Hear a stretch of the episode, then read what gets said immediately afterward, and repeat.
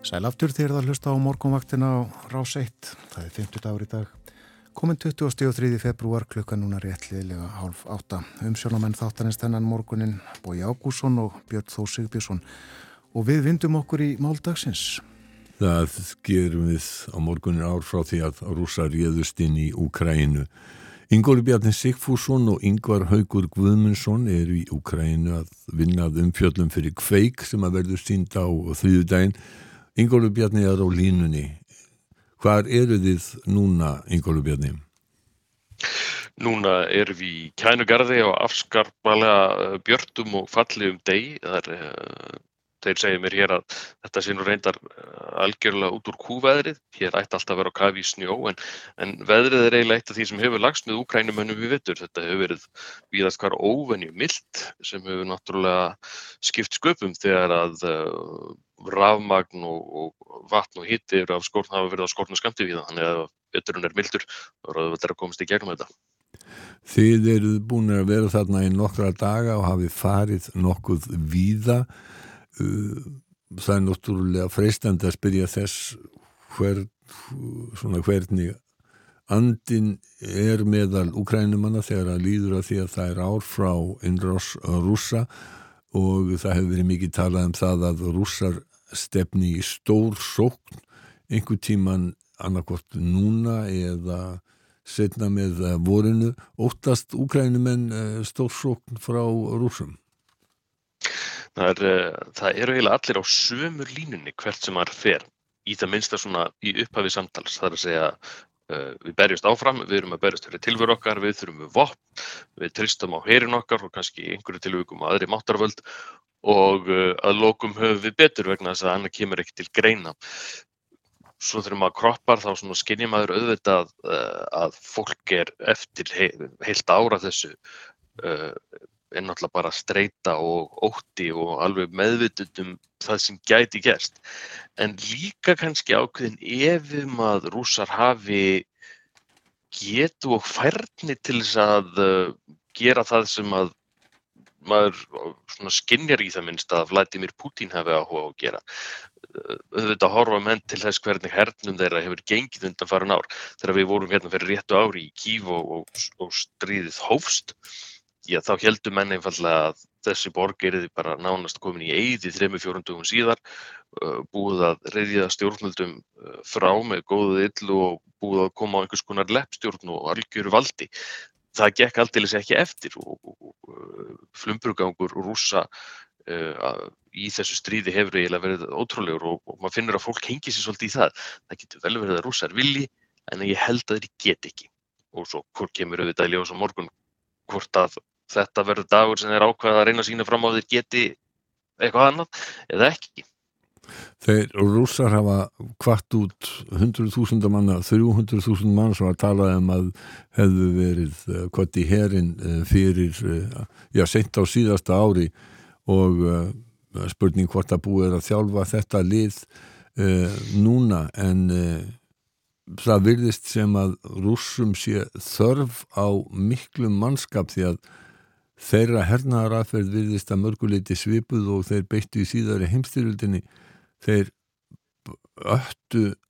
miklu mannskap fram gegn velbísum og stórskota liði anstæðingana og virtist sem að þeir skeittu lít um mannfalli í eigin, eigin liði. Er þetta svipað þarna núna?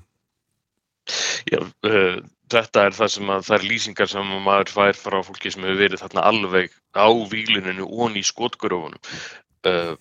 það, það eh, fólk sem ég hef talað við sem hefur verið þar er, er óneitanlega dálítið traumatiserið eftir þá upplifun.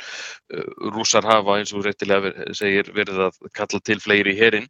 og ef maður kíkir á tölur um mannfall meðal rússa og það er nú svolítið reiki eh, þá er talað um að þetta sé svona kannski upp undir 200.000 sem hafa fallið eða særst í átökunum og jáfnveil að mannfallis komi vel á annað 100.000. Það er ótrúlegt að horta til þess að það er talið að um 120.000 manns hafi verið við tilbúin til þess að taka þátt í stríðinu. 120.000 herrmenn hafi verið hérna fyrir árið tilbúinir að ráðast inn. Þannig að mannfallið sé kannski eftir ár orðið meira heldur en nefnur þeim hersetum sem voru tilbúinar til innrásar. Við vitum að alls konar svona einhverjar málaliðasveitir eins og Vagnersveitirnar og fleiri hafa verið að sækja fanga og aðra uh, og einhverja svona saklusa pilda uh, og þeim er einfallega aft á fóraðin eins og hverju öðru fallbísufóðri. Lýsingarnar uh, frá já, þeim sem hafa verið í grammotorski eða farið jafnvel ennþá nær þær eru bara þannig að, að á svona nokkur neginn fjögur að tíma fresti komi bylgja hermana Uh, Úgrænumenn mæti þeim af krafti með, með jafnvel með ansi öflugum vopnum. 70% af þeim sem að rúsarnir senda stað falli hinn er hörfi og mæti fjórun tímun síðar í næstu bylgu og þurfi þá hreinlega að vaða yfir lík félagar sinna til þess að komast að stað. Og svona gangi þetta fyrir sig og hafi gengið núna fyrir sig sko vikum saman og mann getur bara ímyndið sér hvernig ástandið er þarna og hvernig, hvernig fólk er orðið í, í kollinum sem er á þessum slóðum. Og hversu líklegt þetta er til þess að skila fólki einhverja því að eins og Jón Björgursson síndi í kvöldfréttum sjómansins í gær þá hefur výlínan svo sem ekki færst nema um einhverja metra til það frá í já að herrans tíð. Þannig að þetta mikla mannfall er kannski ekki að skila neinu nema þá kannski helst í að það gringar á vopnabyrðum úkrænumanna og kannski er það tilgangurinn Þú varst að minnast á Vagnarhópin sem að e, já, svona, sem eru málaliða sem að rúsneska stjórnin hefur beitt fyrir sig á undanförnum árum víða í Afríku, í Sýrlandi og fer afskaplega slemt orðaf þeim. Og nú eru hafa hins vegar verið að berast frektir frá Rúslandi að leiðtói Vagnarhópsins hafi verið að lýsa yfir að þeir fá ekki nægilega mikið af skotfærum, skotfærum vopnum og skotfærum virðist mönnum sem að það sé komin upp hugsanlega einhver klopningur á milli stjórnvalda og uh, vagnarhópsins. Náttúrulega fréttir frá Moskvu eru svona uh, takmarkaðar og kannski jafnvel hæfnar, maður veit ekki alltaf hvað er satt og rétt en það er svo sem verið talað um það frá því fyrir jóla það sé uh, svona ekki gott á milli hefðbundna hersins og, og leiðtóa hans, hersöðingjana og, og þeirra hjá Vagnarhóknum sem að hafa kannski minni áhyggjur af, af eh, einhverju gókunaröð og því sem að menn leggja áherslu á í hefðbundum herjum og þarna hafi stundum slegið í brínu. Eh, kokkur Pútins eins og hann hefur verið kallaður svo sem að á í raun og veru þennan Vagnarhóp, hann hefur verið ófeimin við að uh, hrauna yfir hersöðingja bæði þá sem að stýra aðgerðum í Moskú og þá sem eru hérna niður frá í skotgrófunum og segja þá bara reyna að fá þetta sem ekkert geti. Það er svo sem kannski ekki hvort sem það er í svona ástandi eða annar stað líklegt til þess að eh, bæta samskipti og, og, og samvinnu. En það er öruglega heldur ekki til þess að auka líkur á sigri eða, eða árangur er úsamegin þegar að ef, að ef það er í alvörun orðið þannig að þarna séu sveitir sem eigi að vinna saman en, en uh, getur það einfallega ekki. Nú hefur við talað um það að uh, samband Pútins við yfirmann Vagnarsveitana Jevgeni Prigozhin hafi verið óvinni gott af að tala um það hann hefur verið kokkur Pútins og því hann átti veitingahús sem að Pútin eldaði mikið á þannig að menn viti ekkert hvort að það samband er ekki með þeim hætti sem það var núna eins og það var áður Nei, Putin hefur svo sem laungum verið þekktur fyrir að vera uh, alveg sáttur við að, svona, að, að hans nánustu síu í að berjast um aðtikli aðaleg, hægt er orðað þannig að menn leggir sér í líma við að koma sér í mjúkinni og honum og það hugsanlega með því að uh, berjast nánast hverjir við aðra og hugsanlega er þetta einhvers konar hluti af þeirri, þeirri nálgunans uh, að samanskapi uh, velta menn því náttúrulega hvort að Príkosín getur hreinlega verið orðið ókn við Pútín eða hvort að óanæga hersins getur leitt til þess að hérinn sem væri kannski eina aflið sem að gæti steift Pútín á stóli hvort að hérinn fá einfallega nóg og, og komunum frá. Ég var að lesa viðtal við uh, ræðuhöfund, fyrverandi ræðuhöfund öllu heldur Pútins í morgun sem að uh, Deutsche Welle tók við hann. Hann sagði hérinn einfallega það laskaðan eftir stríðið og, og, og og þetta gengi í stríðinu þar sem hafi þessu fyrsta ári er að hann hafi einfallega ekki burði til þess að mögla neitt eða að reyna að efna til valdaráns eða slíks. Þannig að uh, Pútín siti allavega örugur og, og, og þurfi ekki að hafa á, miklar áhugjur af neinum, heldur ekki að Katirov frá Tjetjeníu sem líka hefur verið svona látið dolgslega og verið með djarvar yfirlýsingar. Það sé þráttur allt enginn sem hafi nægilegt bakland til þess að stukka við honum. Nú var það sagt á sínum tíma að eh, hluti af því að Sovjetekin hrundu 1991 hefði verið mikið mannfall í sovjerska hernum og þá náttúrulega með rúsa í Afganistan þar sem að þeir ríðust inn 1980 og þurftu síðan að standa í, í, í ja, skæru hernaði í, mjög lengi og uh, áður en að þeir röktust þaðan í burtu það er engin merki sem, sagt, sem að þú sérði að þið hafið hirt talað um að þetta stríð sem að hefur staði núna í ár að það hafi sé að grafa undan stjórnvöldum í Kreml? Ég meðið frétti frá Moskvu ekki og það er aðtæklusvægt að spurja menn hér einmitt þessari spurningar. Hvað sjáu þið? Þetta eru ykkar frændur, þetta eru ykkar nágrannar, eh, þið skiljið á kannski betur og eru jáfnvel með betri heimildamenn í Moskvu og þess vegna innan Kremlar múra heldur um margur annar og menn svona halvi yfta aukslum. Eh, uglust hafa þær einhverjar heimildur og einhverjar hugmynd en, en vilja einfall ekki ræða og segja bara það sem að okkur snýr er okkar land og okkar baráta, okkar tilvist og okkar frelsi og okkar landamæri og það hvað gengur á í Kreml og hvort að uh, Pútín er að hugsa þetta eða hitt skiptir okkur raun og veru bara engum máli. Það kemur þessu bara ekkit við. Á sama tíma leggja þér áherslu á að þó að baráta þeirra snúist um tilveru Úkrænu og Úkrænum manna þá séu þeir líka að berjast fyrir okkur hinn, að berjast fyrir já, við kallum það þá heimsmynd eh, sem að Vesturlönd tælja sig að mista kosti standa fyrir. Uh, Hinnum einn síðu þá Pútín með sína uh, sérkennlu heims og sögu sín og þess vegna kannski virðist manni með við vin, vinsælega samskipti kýmverskar ráðamanna og yfirlýsingar í Moskvu undanfarta kýmverjar og, og þess vegna indverjar alveg til í að halda því opnu að, að svona pólitík frekakalsins gæti verið eitthvað sem þeir hefða ekkit á móti. Nú heldur fyrir vikunni bæði Putin og uh, Joe Biden bandaríkjafósiti ræður uh, Putin fyrir saminuðu þingi og þar voru einhverja þúsundir manna sem að það var nú ekki mikil mikið af andásfólki í hófnum það var klappað þar, var gott fyrir honum í hvaða tvekja að tvekja hálfstíma ræðu. Sem ég segja að eh, ræðunni hafi að lang mestu leiti verið beint inn á við til rússa sjálfra. Það hafi verið skilabóðjú til vestrætna þjóða. En eh, mestum hluta ræðunar hafi hann valið, varið til þess að já, stappa stáli í uh, þjóðina heimafyrir uh, Joe Biden hann ítrekkaði margóft og hefur í þessari Evrópa heimsóksinni ítrekkað margóft að bandaríkinn standi þjætt að baki úkrænumönnum og uh, í gæra þá á fundi með NATO-ríkjum sem er í Östur-Evrópu að þá lagði hann líka áherslu á það að bandaríkjaman þeir ætla að virða alla sína skuldbindingar við, við allarsvarsbandalagið sínist ég að eitthvað í þessum ræðum hafi breytt stöðunni? Það vilðast engin, engin orða það þann möguleika að uh, setjast niður og reyna að uh, semja frið Dimitri Kulebæm uh, sagði í morgun auðvitaðrikiðsáð þegar Úkrænu að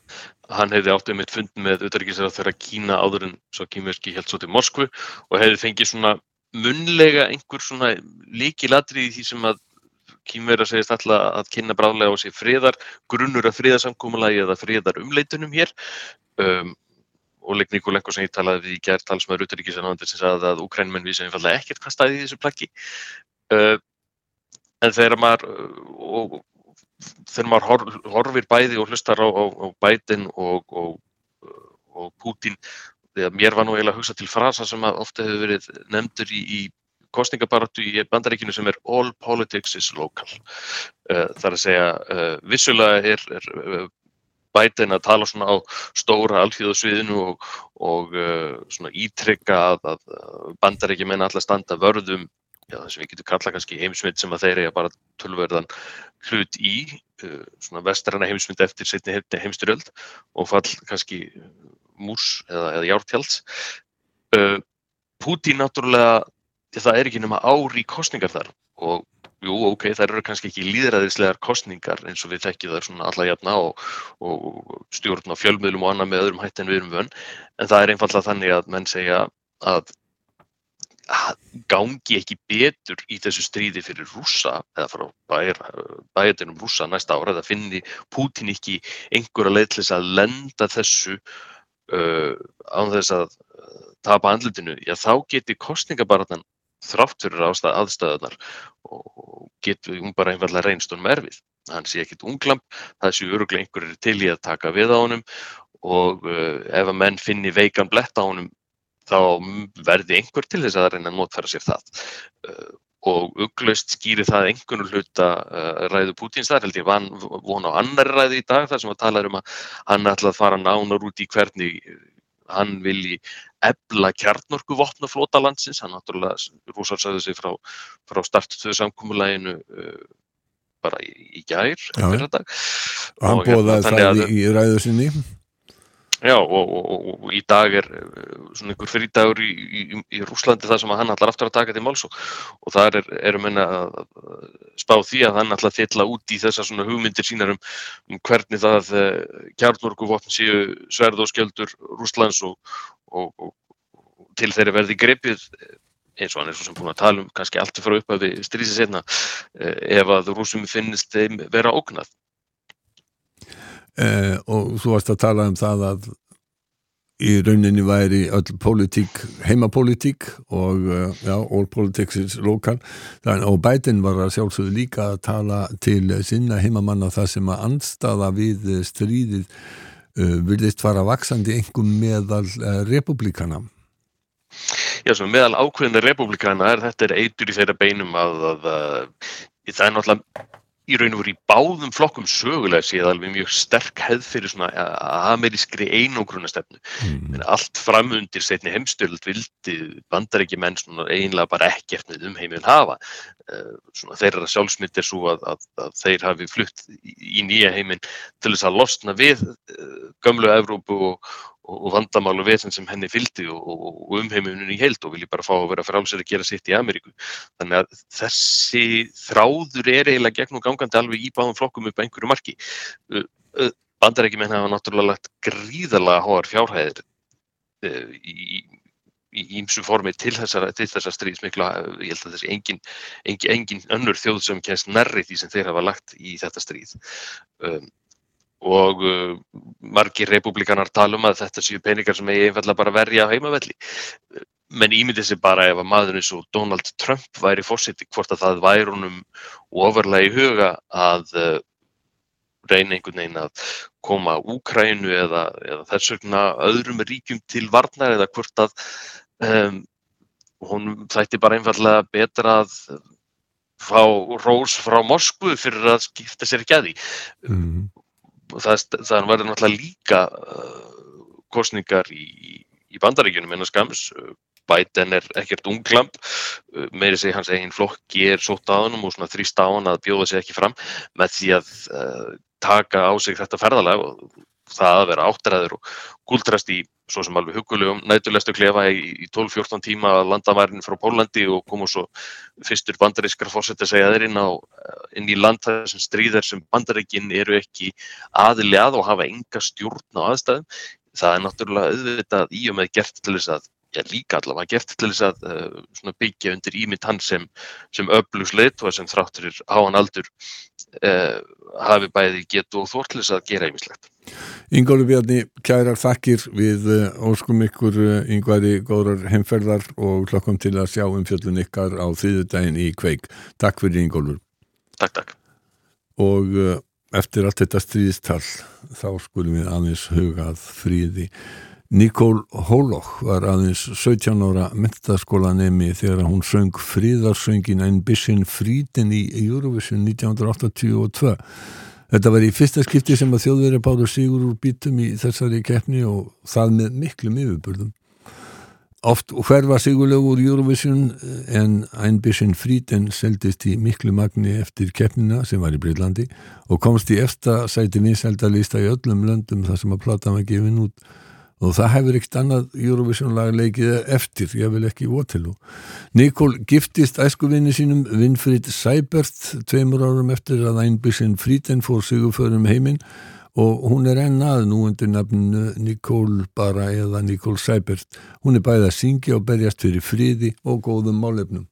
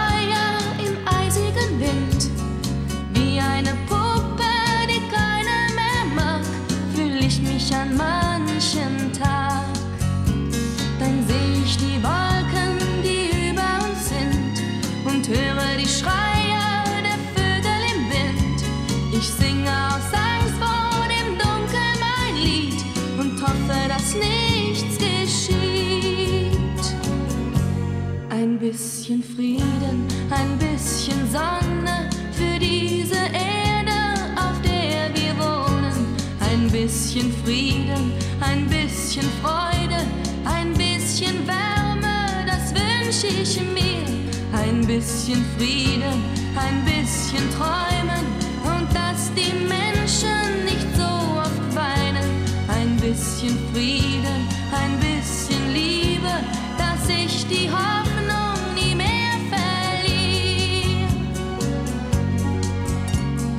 weiß meine Lieder,